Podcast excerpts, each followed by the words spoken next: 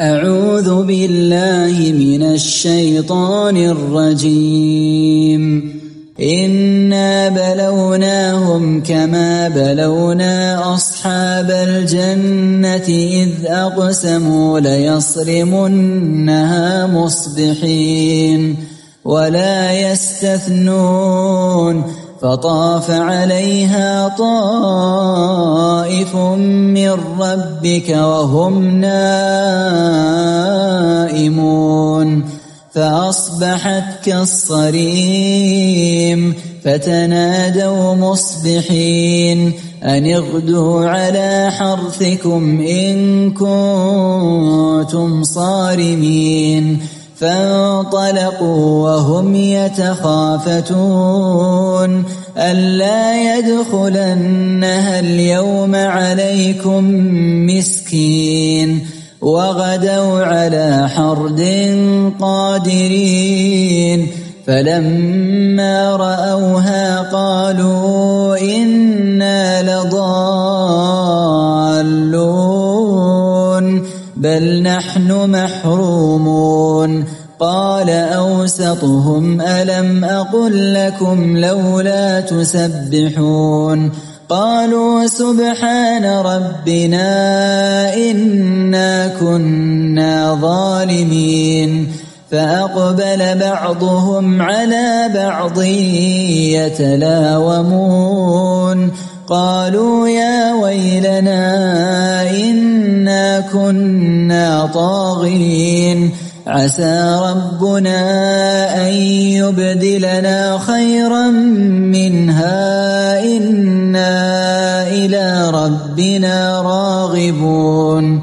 كذلك العذاب ولعذاب الآخرة أكبر لو كانوا يعلمون. إن للمتقين عند ربهم جنات النعيم. أفنجعل المسلمين كالمجرمين؟ ما لكم كيف تحكمون؟ أم لكم كتاب فيه تدرسون؟ إن لكم فيه لما تخيرون. أم لكم أيمان علينا بالغة إلى يوم القيامة إن لكم لما تحكمون سلهم أيهم بذلك زعيم أم لهم شركاء فليأتوا بشركائهم إن كانوا صادقين الحمد لله رب العالمين والصلاة والسلام على أشرف الأنبياء والمرسلين نبينا محمد وعلى آله وأصحابه أجمعين أما بعد فقال ربنا سبحانه وتعالى إنا بلوناهم كما بلونا أصحاب الجنة إذ أقسموا ليصرمنها مصبحين بعد أن بين سبحانه وتعالى أنه آتى ذلك الحلاف المهين مالا وبنين في قوله أن كان ذا مال وبنين ربط بين قصته وبين قصة يعرفونها فقال إن بلوناهم أي بلونا ذلك الرجل ومن شاكله من مشركي مكة. بلاهم الله عز وجل بالنعمة فأعطاهم الأموال وأعطاهم البنين لعلهم أن يشكروا وأن يطيعوا وأن يحمدوا الله عز وجل وأن لا يكفروا ويجحدوا ويبطروا. فكانت العاقبة أنهم فعلوا ما فعلوا فابتلاهم الله عز وجل بالقحط والجدب ونحو ذلك. كما فعل بأصحاب الجنة. ثم إن كنتم تذكرون فقد سبق في سورة المائدة عندما ذكرنا قصة نزول المائدة من السماء اختلاف المفسرين في كون ذلك مثلا مضروبا أو حقيقة وواقعا. وكذلك في قصة صاحب الجنتين اختلفوا في سورة الكهف في كونه مثلا مضروبا أو حقيقة وواقعا. وكنت أظن أنهم سيختلفون أيضا في هذه القصة. وأن منهم من سيجعلها مثلا مضروبة لكن عامة ما وقفت عليه آه، جعلوه قصة حقيقية قصة حقيقية لأصحاب هذه الجنة. ولم أقف حتى الساعة على قول من يقول بأن هذا مثل مضروب كما قيل في بعض قصص القرآن السابقة. بلوناهم إذا رأيت وصفا أو فعلا في القرآن العظيم مسندا إلى الله عز وجل فاعتقد وظن فيه الكمال المطلق. فإنك إذا فعلت ذلك لم تحتج إلى التأويل. والواجب عليك أن تصون ذلك النص عن الظنون الفاسدة وعن اللوازم الباطلة. فما يقوم في أذهان بعض الناس من كون الابتلاء والاختبار لمعرفة العاقبة في المبتلى والمختبر بناء على جهله أي جهل المبتلي قبل ذلك هذا يليق بالمخلوق. فيصان الابتلاء الذي يضاف إلى الله عز وجل من هذا الظن وحينئذ تقول بلوناهم ابتليناهم واختبرناهم حقيقة. ولا تحتاج أن تقول عاملهم معاملة المبتلي أو نحو ذلك من العبارات. كما بلونا أصحاب الجنة. ذكروا في التفاسير أن أصحاب الجنة هؤلاء كانوا حول صنعاء. قد يكون هذا متلقى عن بني إسرائيل. المهم أنهم ذكروا أن هذا كان مشهورا ومعروفا عند مشركي العرب لقربهم منهم وكانوا من صنعاء على فرسخين.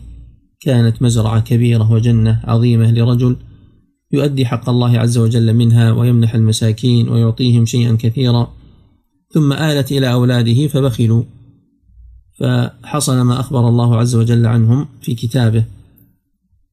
ومن ذلك ما جاء عن ابن عباس فيما ذكره البغوي وغيره أن هذه الجنة قد آلت إلى ثلاث بنين. كان الأب يجعل للمساكين كل ما تعداه المنجل. يعني إذا جذ الكرم أو النخل ما لم يجذ يكون للفقراء والمساكين يكون من حظ الفقراء والمساكين. وإذا طرح البساط الذي يبسط تحت النخلة إذا صلمت فكل شيء سقط خارج البساط فهو للمساكين.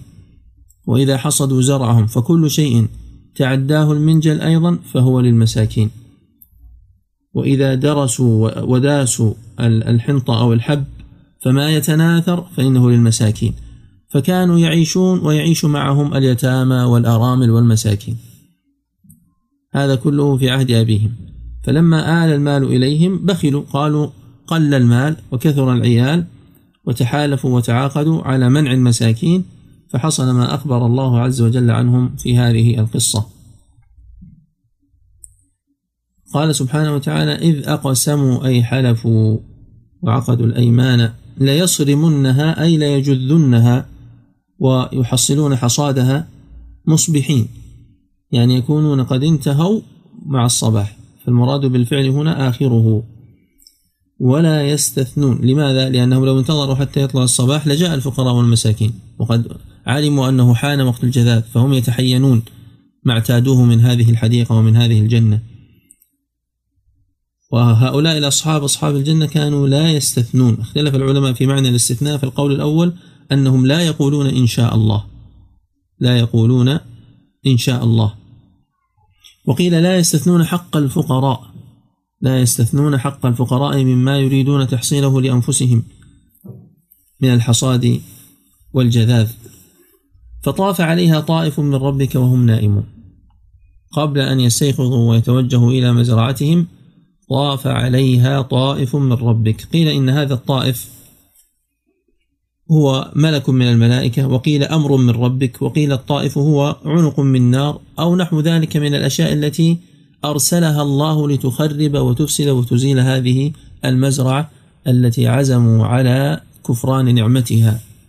فأصبحت كالصريم أصبحت هذه الجنة كالليل المظلم بسبب احتراقها. عادت رمادا وزرعا محصودا مقطوعا. فالصريم فيه معنى القطع. وهذا يذكر بقوله تعالى وظن أهلها أنهم قادرون عليها أتاها أمرنا ليلا أو نهارا فجعلناها حصيدا كأن لم تغن بالأمس.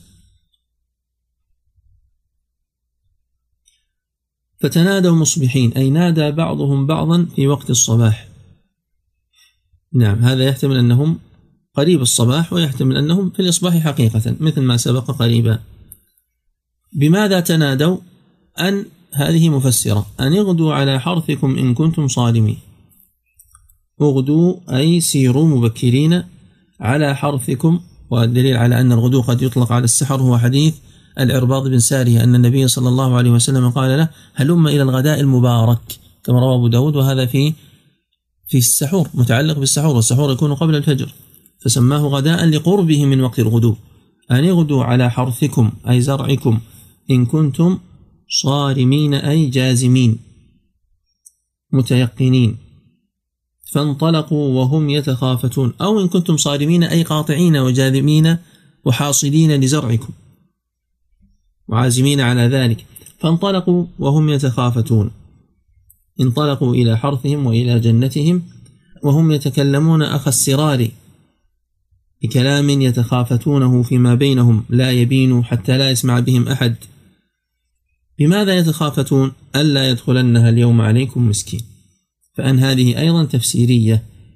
يتخافتون بأنهم قد بيتوا النية أنه في هذه المرة لن يسمحوا بشيء يخرج عن ملكهم هكذا وإنما يكون كله لهم ولا يحصل مسكين على شيء. وغدوا على حرد قادرين. غدوا ساروا غدوا على منع قادرين يعني قادرين على المنع قادرين على المنع. أنت احفظ هذه واضبطها.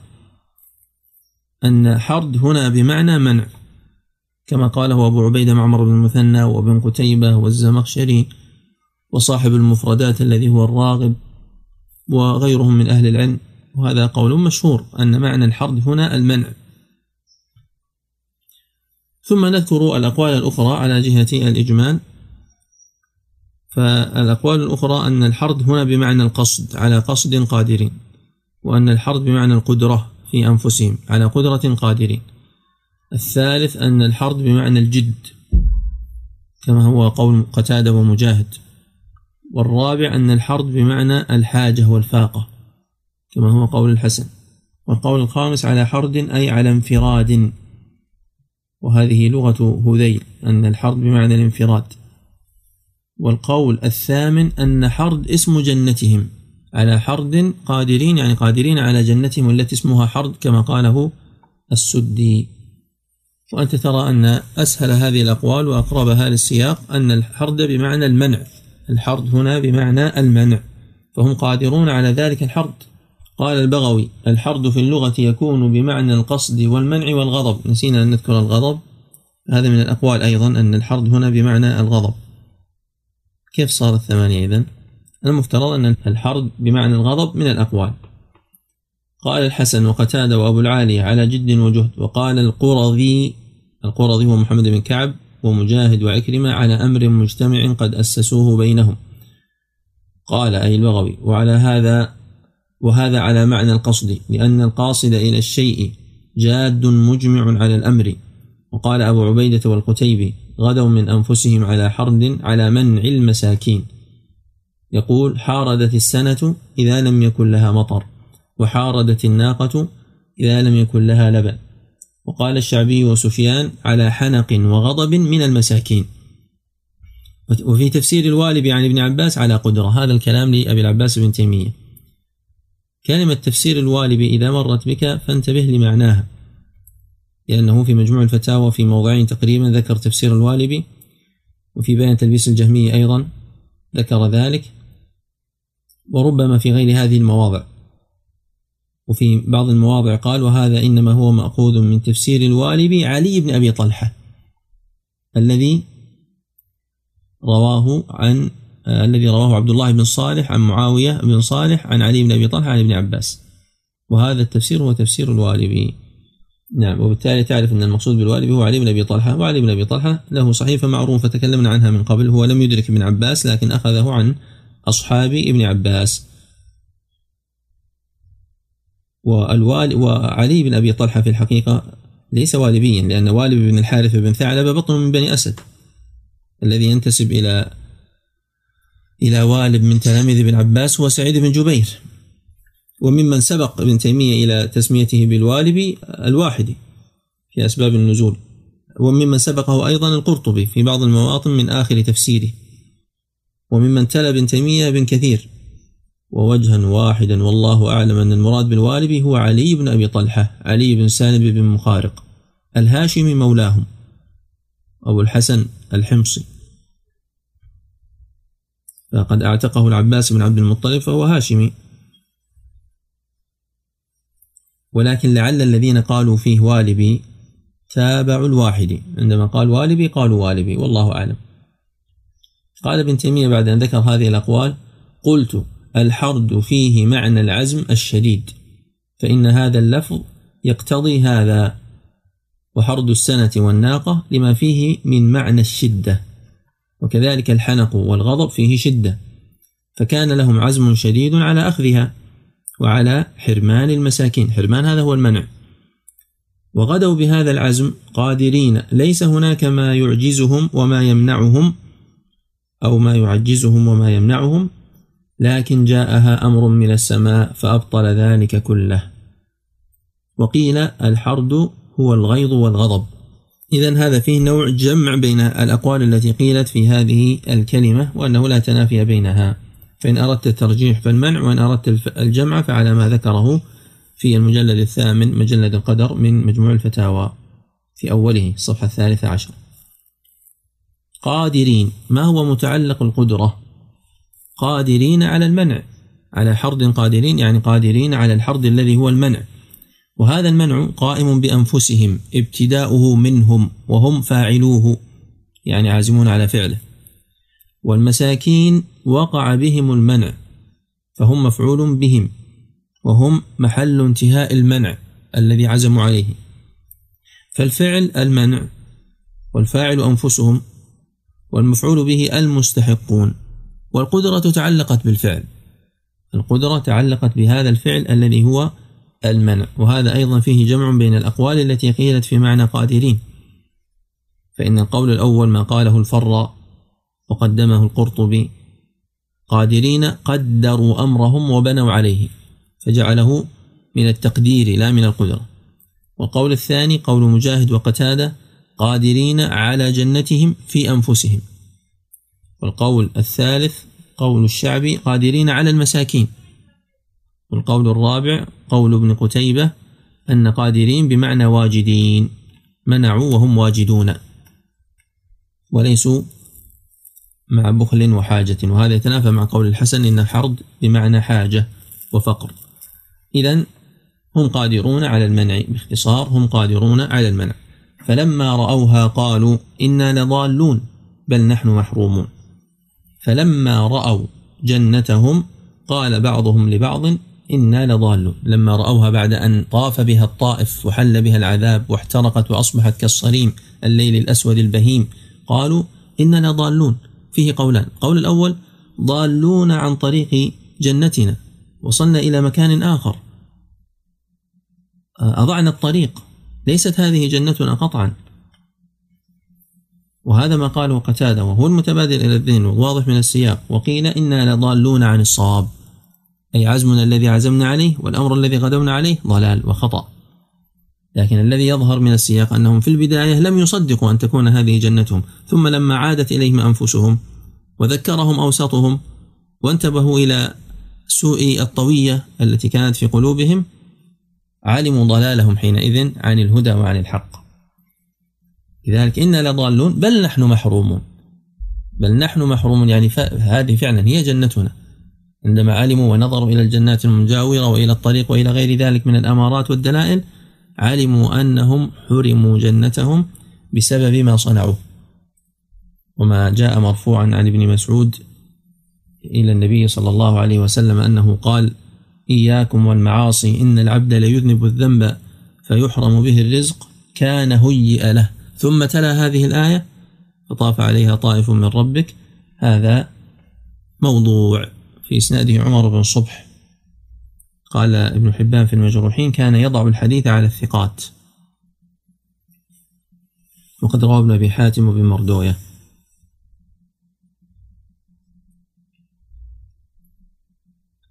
من الفوائد في هذه القصة أولا مشروعية ضرب الأمثال وذكر القصص المناسبة في المكان المناسب. فالله عز وجل ذكر ابتلاءه لأصحاب الجنة مقارنا لابتلاء أولئك الذين كفروا من أهل مكة. ومنها أيضا أن القسم حلف ويمين لأن الله عز وجل أخبر بالاستثناء من القسم إذ أقسموا ثم قال ولا يستثنون يعني لا يقولون إن شاء الله. فدل ذلك على أن الإنسان إذا قال أقسمت بالله أو قسم بالله أو نحو ذلك فهذه يمين. هذه يمين. وفي مصنف عبد الرزاق ما يدل على ذلك أيضا حتى لا يقول الإنسان أن هذا مستنبط من شرع من قبلنا. لا هذه قصة موجودة في القرآن. وفي مصنف عبد الرزاق من حديث عائشة ما يؤيد ذلك. وممن استنبط ذلك من هذه الآية محمد بن الحسن الشيباني. كما في بدائع الصنائع لأن الاستثناء لا يكون إلا من اليمين. ومن الفوائد أيضا مشروعية الاستثناء. وأن يقول الإنسان فيما يريد أن يفعله في المستقبل إن شاء الله. كما قال تعالى ولا تقولن لشيء إني فاعل ذلك غدا إلا أن يشاء الله واذكر ربك إذا نسيت. ومن الفوائد أيضا عدم الأمن من مكر الله. فطاف عليها طائف من ربك وهم نائمون لأنه ربما تنسج الأشياء في الليل. رب نائم وأكفانه تنسج. فعلى الإنسان أن يكون حذرا من مغبة أفعاله ومن سوء صنيعه وطاف عليها طائف من ربك وهم نائمون. النائم لا يشعر بما يحاك ضده بما يحصل عليه. ومع ذلك ينبغي للإنسان أن يكون متوكلا على الله وأن لا يفعل جناية ربما يحل أو ربما آه، تحبك عقوبته وهو نائم أو غافل عنها وإن كان مستيقظا.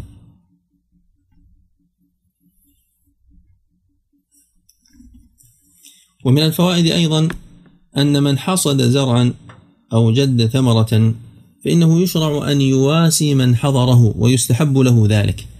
وقال مجاهد والنخعي وجوبا كما ذكره الماوردي في الحاوي.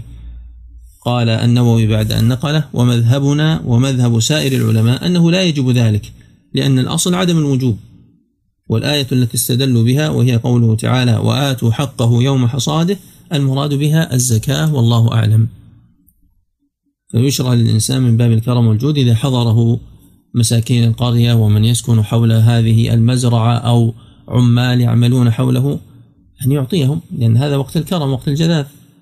ومن الفوائد أيضا ترك ما أخطأه الحصادون. وكان بعض العباد يتحرون أقواتهم من هذا الذي يخطئه الحصادون. بناء على أن بناء على أن المالك نفسه تطيب به. ويتركه ولا يلقطه فيعتقدون فيه الحلة فيأخذونه ويتقوتون منه. ومن الفوائد أيضا المتعلقة بذلك حكم الحصاد والجذاذ في الليل. ما حكم ذلك؟ ذهب بعض الفقهاء إلى كراهة الحصاد ليلا أن يجذ ثمر نخلته أو أن يحصد زرعه في وقت الليل أن هذا مكروه. لماذا؟ لهذه القصة. وأن هذا سبب لقطع رزق المساكين وعدم الرفق بهم وفيه بخل وشح ونحو ذلك من الأسباب. وقد نص على هذا الحكم أحمد دون بيان العلة. في مسائل أبي الفضل صالح قال وكره جذاذ النخل والحصاد بالليل ونقله جمع من فقهاء الحنابلة كصاحب الفروع وصاحب كشاف القناع. وذكروا له دليلا وإن لم يذكروا تعليلا وهو حديث الحسين والصواب أنه علي بن الحسين وهذا مرسل أنه نهى النبي صلى الله عليه وسلم عن الجذاذ بالليل والحصاد بالليل. رواه أبو داود في المراسيل وأحمد بن منيع والحارث بن أبي أسامة والبيهقي وغيرهم من حديث علي بن الحسين مرسلا. وله شاهد عند البزار من حديث عائشة رضي الله عنها علته عنبسة بن سعيد البصري وهو ضعيف. هذا هو الحديث المسند. فلا يصح في تحريم الجذاذ بالليل حديث وأما من حيث المعنى فهذا المعنى الأول الذي ذكروه من الحنفية من ذكر ذلك وعلله بمعنى آخر وهو الكاساني في بدائع الصنائع. علله بأنه لا يأمن أن يخطئ فيقطع يده. وذكر ذلك والله أعلم أبو عبيد. ذكر معنى قريبا من هذا أنه خشية الحيات والهوام التي تخرج في الأرض في الظلام فلا يراها الإنسان وقد تلحق به شيئا من الأذى.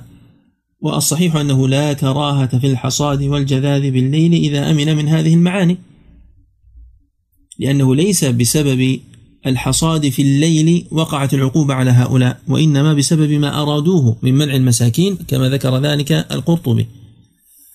فالمعنى هنا غير موجود. طيب. ولا يستثنون فطاف عليها طائف من ربك وهم نائمون فأصبحت كالصريم. فنادوا مصبحين أن اغلوا على حرثكم إن كنتم صارمين. نعم فيه أن من مشروعية آه، فيه أن من من شكر النعمة أن يواسي الإنسان غيره. إذا أنعم الله عز وجل عليك بشيء فواسي غيرك. من إخوانك من جيرانك حتى من أبنائك أو من زوجك. أعطي أخرج. إذا أنعم الله عز وجل عليك بنعمة. وشاهده من السنة. مثلا حديث كعب بن مالك عندما بشر بتوبة الله عز وجل عليه أعطى الذي بشره ماذا؟ ثوبين لا يملك غيرهما. فبدلا من أن يكون عند الإنسان شح وتقتير على نفسه وعلى من حوله من المساكين والفقراء. ينبغي أن يكون سخيا لأن الله عز وجل ينفق عليه. يا ابن آدم أنفق أنفق عليك. بقدر ما تعطي بقدر ما تؤمن بالخلف. بعض الناس ما يؤمن بالخلف. ما يؤمن بالخلف يعني يخشى أن ينفق حتى في الأمور التي يحتاجها أو الأمور التي فيها خير له وكرم. فينبغي الإنسان أن لا يجعل الفقر بين عينيه حتى لا يعاقب بذلك. من الفوائد أيضا المتعلقة بذلك تعلق القدرة بالمقدور. ما معنى ذلك؟ في قوله تعالى على حرد قادرين يعني على منع قادرين. منع هنا إما بمعنى الممنوع يعني المساكين على ما قيل الذين هم متعلق المنع وإما المنع الذي قام بهم الذي هو الفعل؟ والصواب أن القدرة تتناول الأمرين جميعا تتناول الفعل وتتناول المقدور عليه الذي هو المفعول. فأدلة تناوله للفعل في القرآن كثيرة مثل قوله تعالى فاتقوا الله ما استطعتم فمن لم يستطع فإطعام ستين مسكينا. سيحلفون بالله لو استطعنا لخرجنا معكم. صل قائما فإن لم تستطع فقاعدا فإن لم تستطع فعلى جنب. فهذه استطاعات وقدرة متعلقة بماذا؟ بالأفعال. والقدرة المتعلقة بالمفعول كهذه الآية وغدوا على حرد قادرين. ومثل قوله تعالى وعدكم الله مغانم كثيرة تأخذونها فعجل لكم هذه وكف أيدي الناس عنكم ولتكون آية للمؤمنين وأيديكم صراطا مستقيما وأخرى لم تقدروا عليها قد أحاط الله بها. فدل ذلك على أن الأولى قدروا عليها. وعدكم الله مغانم كثيرة تأخذونها قدروا عليها وهذه قدرة متعلقة بالمغانم المقدور عليها. لماذا؟ لأن من أهل العلم من يقول أو من بعض الطوائف الذين اختلفوا في هذه المسألة من يقول إن متعلق القدرة الفعل. ومنهم من يقول متعلق القدرة المفعول والصواب أنه دلت الأدلة على كلا النوعين. وقال عنه أبو العباس بن تيمية هذا أصح الأقوال. لا الصوت يقطع ما, ما أسمعك جيدا. الصوت لأنهم يعني ما سمعت صوت. أو أو هل العقوبة محلت على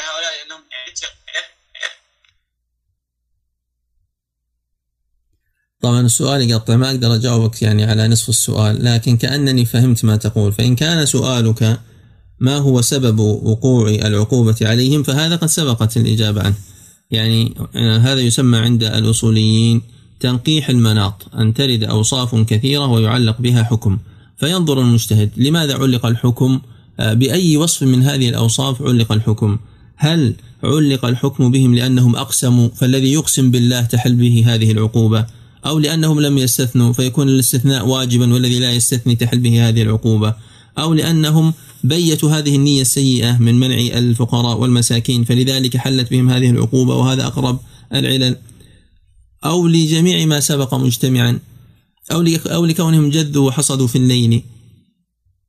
ها؟ أو لكونهم يتخافتون انطلقوا وهم يتخافتون. فكل من تخافت تحل به هذه العقوبة. هذا يسمى تنقيح المناط الذي يظهر الله تعالى أعلم أن هؤلاء حلت بهم هذه العقوبة للأوصاف المتعلقة بمنع الفقراء من حقهم منع الزكاة بالبخل. وهنا ستأتي فائدة أخرى لعلنا نذكر الفوائد الآن حتى ما ننسى نقول تأتي ويمكن ما تأتي بكرة. يعني نكمل الآن بعض هذه الفوائد لأنكم أطريتموها. وهي هل يعاقب الإنسان على ما ينوي؟ من الفوائد المتعلقة بهذه القصة. إذا عزم الإنسان على شيء هل يعاقب؟ فهؤلاء قبل أن يمنعوا المساكين أنزل الله عز وجل على جنتهم ما فعل. بهذا العزم الذي قام في قلوبهم نقول إن هذا العزم كان مؤكدا. فالإنسان إذا بلغت درجة العزم عنده درجة آه، إذا بلغ الفعل عنده درجة العزم المؤكد فإنه ينزل منزلة الفاعل. كما قال النبي صلى الله عليه وسلم إذا التقى المسلمان بسيفيهما فالقاتل والمقتول في النار. طيب الذي قتل فعل فعلا يستحق معه النار وهو القتل. الأول فعل المقدمات فقط وهي محاولة القتل. لكن ما الذي منعه من القتل هو أن صاحبه بادره. وهؤلاء ما الذي منعهم من ما عزموا عليه من منع المساكين؟ هو أن جنتهم احترقت. ولو لم تحترق لفعلوا ما عزموا عليه. فحينئذ إذا كان العزم وصل إلى هذه الدرجة فإن الإنسان مؤاخذ به. مثل الذي يعزم على السرقة. ثم يأتي بمقدماتها ولم يفعل السرقة بعد. ذهب ونظر وحاول فوجد الشرطة عند الباب أو حراس أو غير ذلك لأن لم تتهيأ أسباب السرقة فرجع. فهذا ملام ومؤاخذ بلا شك والنصوص تدل على ذلك. فرق بين الذي تركه لله عز وجل وهذا هو الذي يحصل على حسنة مقابل الترك وبين الذي تركه لأنه عاجز وما زال قلبه عازما على فعل هذا الشيء. طيب يا شيخ أحسن الله إليك. ما يستفاد منها أيضا أن من نوى الفطر في رمضان فإنه يفطر؟ نعم. من فروع هذه المسألة ذلك لأن الصوم عبارة عن إمساك بنية. الصوم هو إمساك بنية. فإذا نوى الفطر فقد ذهبت النية. نية الإمساك عن المفطرات قد ذهبت بنية الفطر. فلذلك يعد مفطرا. بلا شك. من الفوائد المتعلقة بهذه القصة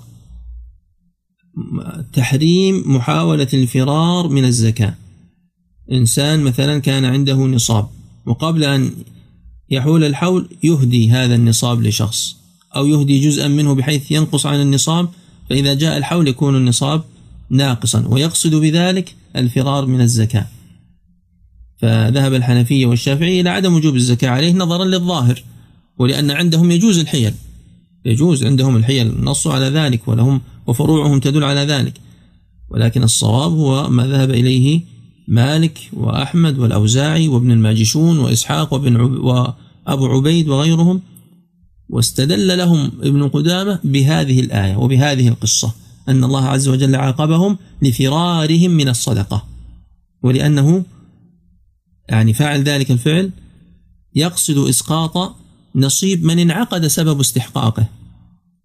هذا مثل من يطلق امرأته في مرض الموت. القاعدة المشهورة من استعجل شيئا قبل أوانه بطريق محرم عوقب بحرمانه. وقد نسب الغزالي في إحياء علوم الدين لأبي يوسف الفقيه أنه فعل ذلك يعني فعل الفرار من الزكاة وهذا مما انتقد على الغزالي رحمه الله إراده. ولكن إذا لم يكن فارا من الزكاة وكان محتاجا لبذل المال وهذا مما سئلت عنه قبل يوم أو يومين تقريبا فإن هذا جائز. إنسان احتاج إلى قطع الثمر قبل كماله لسبب آخر ليس فرارا من الزكاة خوف العطش أو خوفا أو لأجل إصلاحها فإن هذا جائز. لأن حق الفقراء إنما يجب على طريق المواساة فلا يجب على الإنسان أن يدفع الزكاة وهو لم يجب بعد في هذه الثمار. وأنتم تعرفون أن الثمار ليس فيها حولان الحول وإنما عند عند الصلح آتوا حقه يوم حصاده. وقد علل ذلك أبو إسحاق الشيرازي في المهذب وابن قدامة في المغني بأن حفظ الأصل للفقراء أعظم من حفظ الثمرة لأن حقهم يتكرر في هذا الثمر وهذا القطع لإصلاحه وإبقاء أصله. يعني لم يسقط بذلك حقهم بالكلية. ومنها أنه إذا حل العذاب على قوم فإنهم تعود لهم عقولهم ويتلاومون فيما بينهم. وكل منهم يقول أنا كنت قد نصحت وأنا كنت قد قلت وأنا كنت قد بينت ولم تطيعوا قولي. وأن مثل هذا الملام لا ينفع لأنه وقع في غير وقته. قال الله تعالى قال أوسطهم ألم أقل لكم لولا تسبحون؟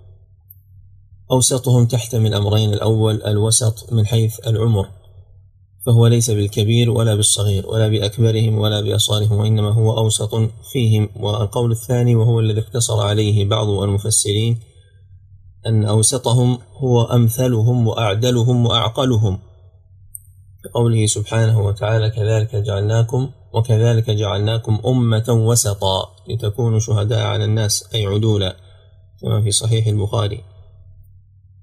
وما هو مقول القول؟ ألم أقل لكم لولا تسبحون؟ ظاهر هذا أنه نبههم عندما أرادوا أن يفعلوا ما فعلوا أن يسبحوا إما بمعنى التسبيح كما هو ظاهر وأن يقولوا سبحان ربنا وإما بمعنى الاستثناء الذي لم يستثنوه فيما سبق فإنه جاء عن بعض السلف كمجاهد أن استثناءهم في ذلك الوقت كان تسبيحا. ولكن لما نهاهم وشاركهم في الفعل دخل معهم في العقوبة فإن مجرد التنبيه مع التمادي معهم هو كقوله سبحانه وتعالى لعن الذين كفروا من بني إسرائيل على لسان داود وعيسى بن مريم ذلك بما عصوا وكانوا يعتدون كانوا لا يتناهون عن منكر فعلوه لبئس ما كانوا يفعلون. ذكر في تفسيره أنه كان ينهى بعضهم بعضا ثم لا يمنعه ذلك أن يكون أكيله وشريبه وجليسه. فلما عزموا على ما عزموا عليه من منع الزكاة ومن قهر المساكين كان هذا الأوسط مخالفا لهم. ولما أقدموا على الفعل أقدم معهم. فلما حل بهم ما حل قالوا إنا لضالون بل نحن محرومون. ثم قال أوسطهم ألم أقل لكم لولا تسبحون؟ فتابوا وقالوا قالوا سبحان ربنا إنا كنا ظالمين. فهذا التسبيح هو تنزيه لهم بمثابة نستغفر الله. وفي أي شيء ظلموا أنفسهم أولا في عدم استثنائهم فيما أقدموا عليه ثانيا في عزمهم على منع المساكين عزما مؤكدا مصمما فأقبل بعضهم على بعض يتلاومون. أقبل بعضهم على بعض يتلاومون بمعنى شرع واستقبل بعضهم بعضا باللوم أي بالعتاب وبعضهم يجعله فوق العتاب ودون التوبيخ. قالوا يا ويلنا إنا كنا طاغين. فاعترفوا بأنهم كانوا ظالمين وبأنهم كانوا طاغين أي متجاوزين للحد. فيما أرادوا عليه من الحرب. عسى ربنا أن يبدلنا خيرا منها إنا إلى ربنا راغبون. هذا تمني يدل على التوبة. أن يبدلنا أو يبدلنا قراءتان. قرأ نافع وأبو عمرو وأبو جعفر يبدلنا بالتشديد من التبديل وقرأ البقية يبدلنا بالتخفيف من الإبدال. والقول الأول أنهما مترادفان والمعنى واحد. مثل أنزل ونزل وأجمل وجمل ونحو ذلك فهما بمعنى واحد أحسن وحسن. والقول الثاني أن التبديل هو أن تكون العين قائمة والصفة متغيرة يعني تغيير الصفات والأحوال ونحو ذلك مع بقاء العين. والإبدال هو رفع الشيء تماما بعينه والإتيان بآخر مكانه. هذا قول ثاني ذكره ابن الجوزي والقرطبي. وكلاهما محتمل هنا لأن هذه الجنة قد حل عليها ما جعلها دمارا ورمادا فأصبحت كالصريم أي كالليل أو أو كالنهار أو كالزرع المصروم المحصود. عسى ربنا فهذا تمني أن يبدلنا خيرا منها أي من هذه الجنة.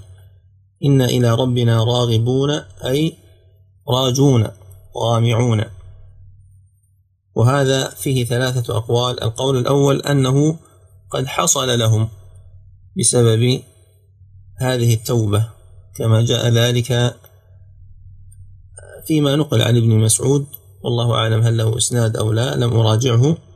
من أنهم أخلصوا وقد عزاه القرطبي إلى المعظم. يعني معظم المفسرين ذهبوا إلى أنهم تابوا وأن الله عز وجل استجاب لهم وأبدلهم جنة خيرا منها. وذكروا شيئا من أوصافها مما هو داخل في أخبار بني إسرائيل مما تمكن روايته لأنه ليس فيه ما يخالف أو يوافق شرعنا أو ما هو محال.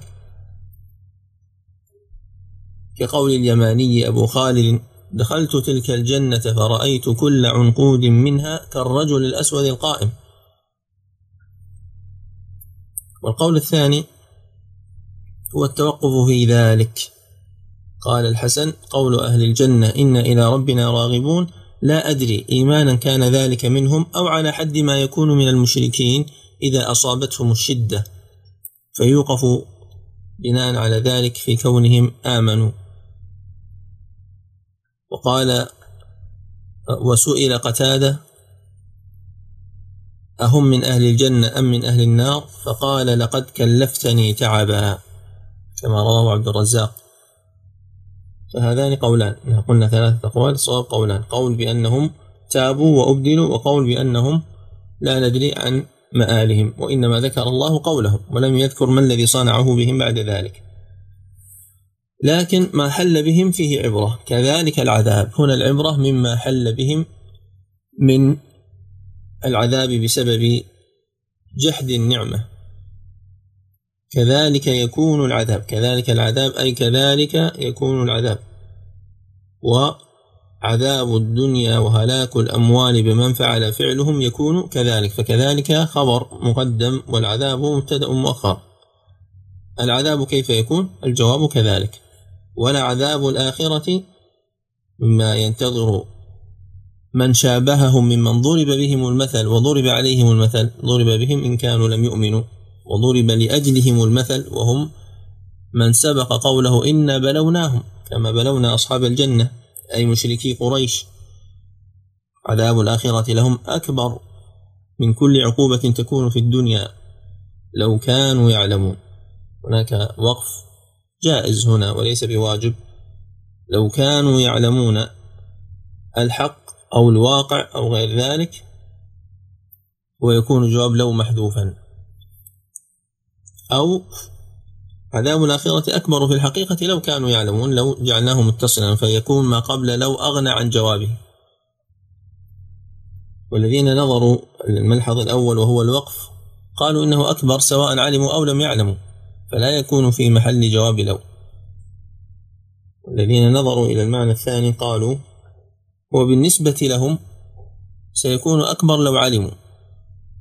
فلما كانوا لا يعلمون لم يكن أكبر بالنسبة لعلمهم وإلا بالنسبة للواقع هو كما قال أهل القول الأول أنه أكبر مطلقا علموا أو لم يعلموا. ويحتمل أن تكون لو هنا للتحضيض لا للتعليق. إن للمتقين عند ربهم جنات النعيم. إن للمتقين عند الله عز وجل الذين أتوا بالتقوى بفعل الأوامر واجتناب النواهي مع الإيمان جنات النعيم الدار التي يعدها الله عز وجل لأمثالهم التي فيها ما لا عين رأت ولا أذن سمعت ولا خطر على قلب بشر لا ينغصها أو لا يشوبها منغص. فلما ذكر سبحانه وتعالى مصير الجاحدين للنعمة ومصير المعتدين الطاغين ذكر مصير المتقين بأنهم في جنات النعيم.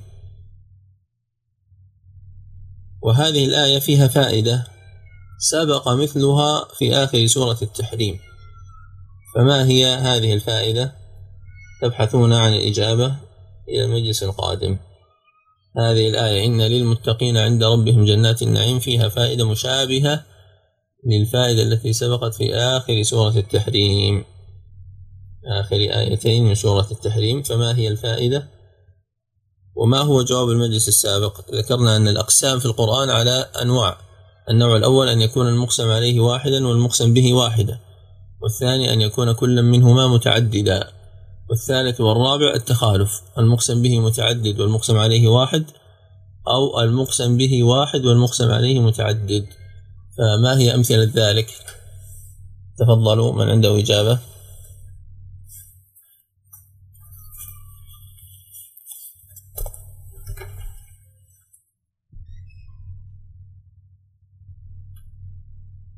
السلام عليكم. شيخ أنا اسالك تفضل. شيخ الله جزاك الله خير. بالنسبة لشيخ الحلف المتعدد ولل والمقسم عليه متعدد يا شيخ. عندي مثال اللي هو صورة الشمس. أحسنت. هذا فيه تعدد في الأمرين جميعا لأنه أقسم بأحد عشر قسما. والمقسم عليه اثنان. والمقسم عليه أمران. بسم الله الرحمن الرحيم. والشمس وضحاها والقمر إذا تلاها والنهار إذا جلاها والليل إذا يغشاها والسماء وما بناها والأرض وما طحاها ونفس وما سواها. هذه أحد عشر قسما. نعم. طيب المقسم عليه. ما ذكرت أكمل إجابتك؟ ما هو المقسم عليه؟ آه، متعدد أيضا ما هو طيب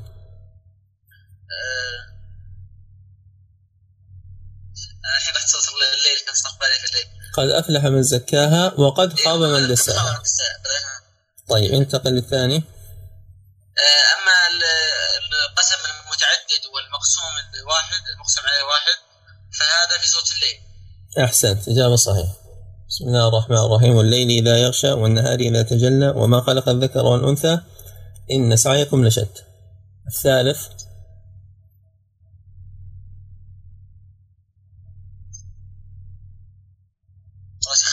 حضرني. طيب المفرد قلنا مثل سورة الواقعة. فلا أقسم بمواقع النجوم وإنه لقسم لو تعلمون عظيم إنه لقرآن كريم. ومثل سورة العصر. طيب القسم الأخير ما هو؟ أن يكون المقسم عليه متعدد متعددا والقسم واحد. والقسم واحد. هذا في سورة سبأ. التعدد قد يكون بثم وقد يكون بالواو وقد يكون بأو. هذا تمهيد لأن هنا التعدد بثم. في سورة سبأ الأمر بالإقسام في كان في ثلاثة آيات. ما هي الآية الثالثة؟ سبأ ويونس ما هي الثالثة؟ القلم. يا شيخ فوربك يحشرنهم وشياطين ثم يحضرنهم حول الجنة الجدية فوربك لنحشرنهم والشياطين ثم لنحضرنهم حول جهنم جثيا هذه ممكن نعم في سورة مريم لكن أنا كان في بالي مثال آخر كمان يا شيخ فوربك لنسألنهم أج- أجمعين عما كانوا يعملون في هذه نفس ال- اللي ذكرها الأخ صح؟ هذه واحدة المقسم به واحد والمقسم عليه واحد. طيب يا شيخ في سورة عبسة فلا أقسم بالكنس. الجوار الكنس أو ما؟ نعم في سورة التغابن. الجواب في سورة التغابن. زعم الذين كفروا أن لن يبعثوا قل بلى وربي لتبعثن ثم لتنبؤن بما عملتم. وذلك على الله يسير. جوار الكنس. والليل إذا عسعس والصبح إذا تنفس. إنه لقول رسول كريم. هذا من تعدد المقسم به وإفراد المقسم عليه. سورة التكوير من تعدد المقسم به وإفراد المقسم عليه. قال تعالى فنجعل المسلمين كالمجرمين. هذا الاستفهام من باب الإنكار عليهم. هل نسوي بين المسلمين والمجرمين في الجزاء وفي الآخرة؟ فإن هذا لا يمكن أن يكون. وقد أخبر الله عز وجل عن ذلك في عدة آيات من كتابه. كما في سورة صاد وما خلقنا السماء والأرض وما بينهما لاعبين ما خلقناهما إلا بالحق ولكن أكثرهم لا يعلمون. أم نجعل الذين آمنوا وعملوا الصالحات كالمفسدين في الأرض؟ أم نجعل المتقين كالفجار؟ وقال تعالى أم حسب الذين اجترحوا السيئات أن نجعلهم كالذين آمنوا وعملوا الصالحات سواء محياهم ومماتهم. ومثل ذلك أيضا في سورة العنكبوت أم حسب الذين يعملون السيئات أن يسبقون ساء ما يحكمون لا سورة العنكبوت ليس فيها معنى. وهذا واضح من أن الله عز وجل يخبر عن عدم التسوية بين المسلمين وبين المجرمين. ما لكم كيف تحكمون؟ من أهل العلم من يجعلها عبارتان ما لكم وكيف تحكمون؟ ومنهم من يجعلها عبارة واحدة يعني الاستنكار والاستبعاد لهذا الحكم الذي يطلقه كفار مكة من كونهم إذا كانوا قد أعطوا في الدنيا خيرا مما أعطي هؤلاء الفقراء من مساكين المسلمين والمهاجرين فينبغي أن يكون الآخرة مثل ذلك وهذا قياس مقلوب. كيف تحكمون؟ فإن العطاء في الدنيا يكون للمؤمن والكافر ولكن الآخرة لا تعطى إلا للمؤمن. فالله عز وجل هو الرحمن الرحيم. الرحمن رحمة عامة تشمل كل شيء. فمن رحمة الله عز وجل بالكافر في الدنيا أنه لم يعاجله ولم يباغته بالعقاب وبالعذاب. وأما الرحيم فهي الرحمة الخاصة بالمؤمنين. فتكون الرحمن في الدنيا لأن الرحمة العامة محلها الدنيا والرحيم في الآخرة لأن الرحمة الخاصة محلها الآخرة. أم لكم كتاب فيه تدرسون؟ هذا استفهام. وفيه عطف أيضا. أم يعني هل لكم كتاب يا معشر الكفار تتعلمونه وتأخذون منه الأحكام؟ أنزل عليكم كتاب كما أنزل على أهل الكتاب. تعرفون من خلاله أنكم في الآخرة ستعطون كما أعطيتم في الدنيا. أو تدرسون فيه أنكم أو تدرسون فيه أن المطيع كالمجرم والمسلم كالعاصي. إن لكم فيه لما تخيرون. لو كان لكم كتاب فإن لكم في هذا الكتاب لما تشتهون وتختارون وتتمنون. وهذا من حيث النحو فيه يجوز من حيث النحو أيضا فيه وجهان. القول الأول أنها أن بالفتح وإنما كسرت للتعليق. ما هو التعليق؟ يعني دخول اللام. الأصل أن الكلام الذي يكون مبتدأ تكسر همزته لأنه لا تعلق له بما قبله مثل قوله تعالى إنا فتحنا لك فتحا مبينا والكلام المتعلق بما قبله ويؤول بمصدر يكون له محل من الإعراب مثل المفعول أو الفاعل أو نحو ذلك تكون همزته مفتوحة كقوله تعالى ولقد نعلم أنهم يقولون إنما يعلمه بشر. فإنما يعلمه هي مقول القول. لذلك كانت مكسورة الهمزة. هنا أصحاب القول الأول يقولون هذا متعلق بما قبله. يعني تدرسون أن لكم فيه ما تخيرون. فلماذا كسرت الهمزة؟ قالوا كسرت الهمزة لدخول اللام على اسم إن. لما تخيرون. فإذا دخلت اللام كسرت الهمزة التي محلها الفتح لولا دخول اللام. وهذا يحل لك إشكالا وهو أنك تجد أحيانا في بعض الآيات الجملة المصدرة بإن مفتوحة الهمزة مع كونها في محل نصب مفعول به. فيستوقف النحو مثل قوله تعالى قد نعلم إنه لا يحزنك الذي يقولون يعني ماذا لم تكن قد يعلم أنه لا يحزنك الذي يقولون؟ أليس هذا هو الذي علم نعلم أنه؟ فلماذا كسرت الهمزة؟ نقول انظر فيما بعد تعرف الجواب. لا يحزنك. فلما دخلت لام التعليق هنا كسرت الهمزة قد نعلم إنه لا يحزنك. يعني لو لم يكن هناك لام لكانت قد نعلم أنه يحزنك الذي يقولون. هذا المتبادر للقاعدة الذي يأتي في ذهن الإنسان. لكن الذي يخفى عليه أن لام التعليق تكسر يستشكل نحو آية الأنعام. فيقال هنا على القول الأول مثل ما قيل هناك. القول الثاني أنه لا ارتباط بين الآيتين. وبناء عليه تكون إن كسرت لأنه افتتاح افتتاح كلام. أم لكم في أم لكم كتاب فيه تدرسون؟ انتهت الآية الأولى ثم يبتدئ آية أخرى وهي إن لكم في ذلك الكتاب لما تشتهون وتتمنون. فإذا كان افتتاح كلام فإن الهمزة تكسر على القاعدة. واسم إن هو ما يعني الذي تخيرون. لما تخيرون هذه اللام تسمى لام الابتداء لام المزحلقة لام المدحرجة اللام المقحمة. نعم وتفيد التوكيد. أم لكم أيمان علينا بالغة إلى يوم القيامة؟ إن لكم لما تحكمون.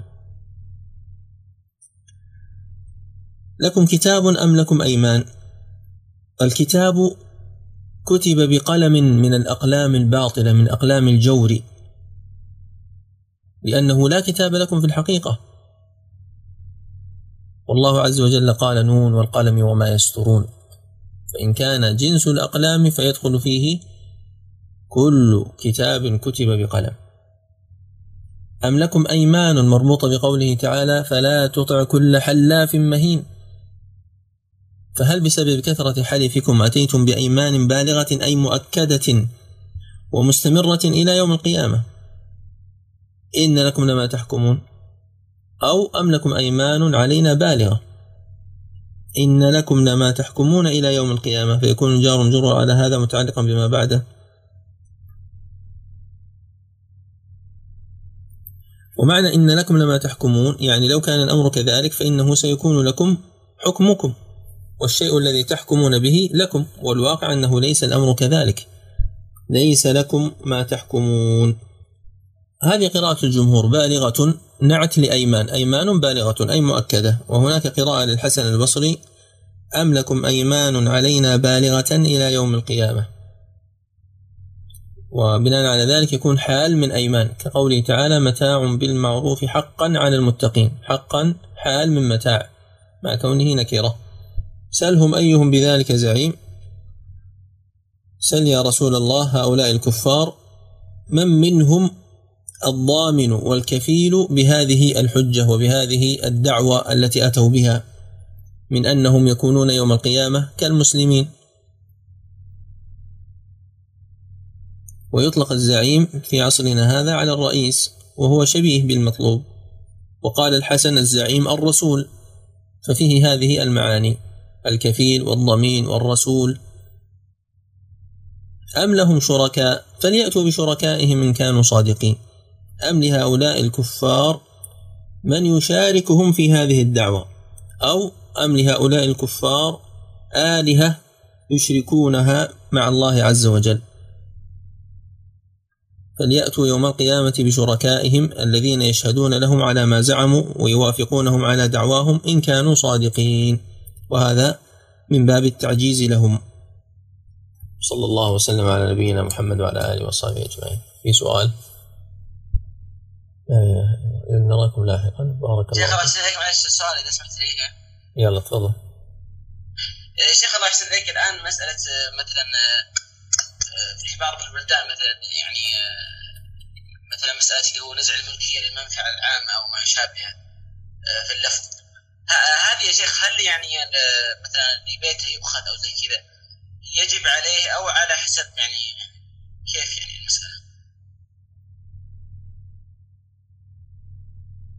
الله أعلم سؤال آخر؟ إيه.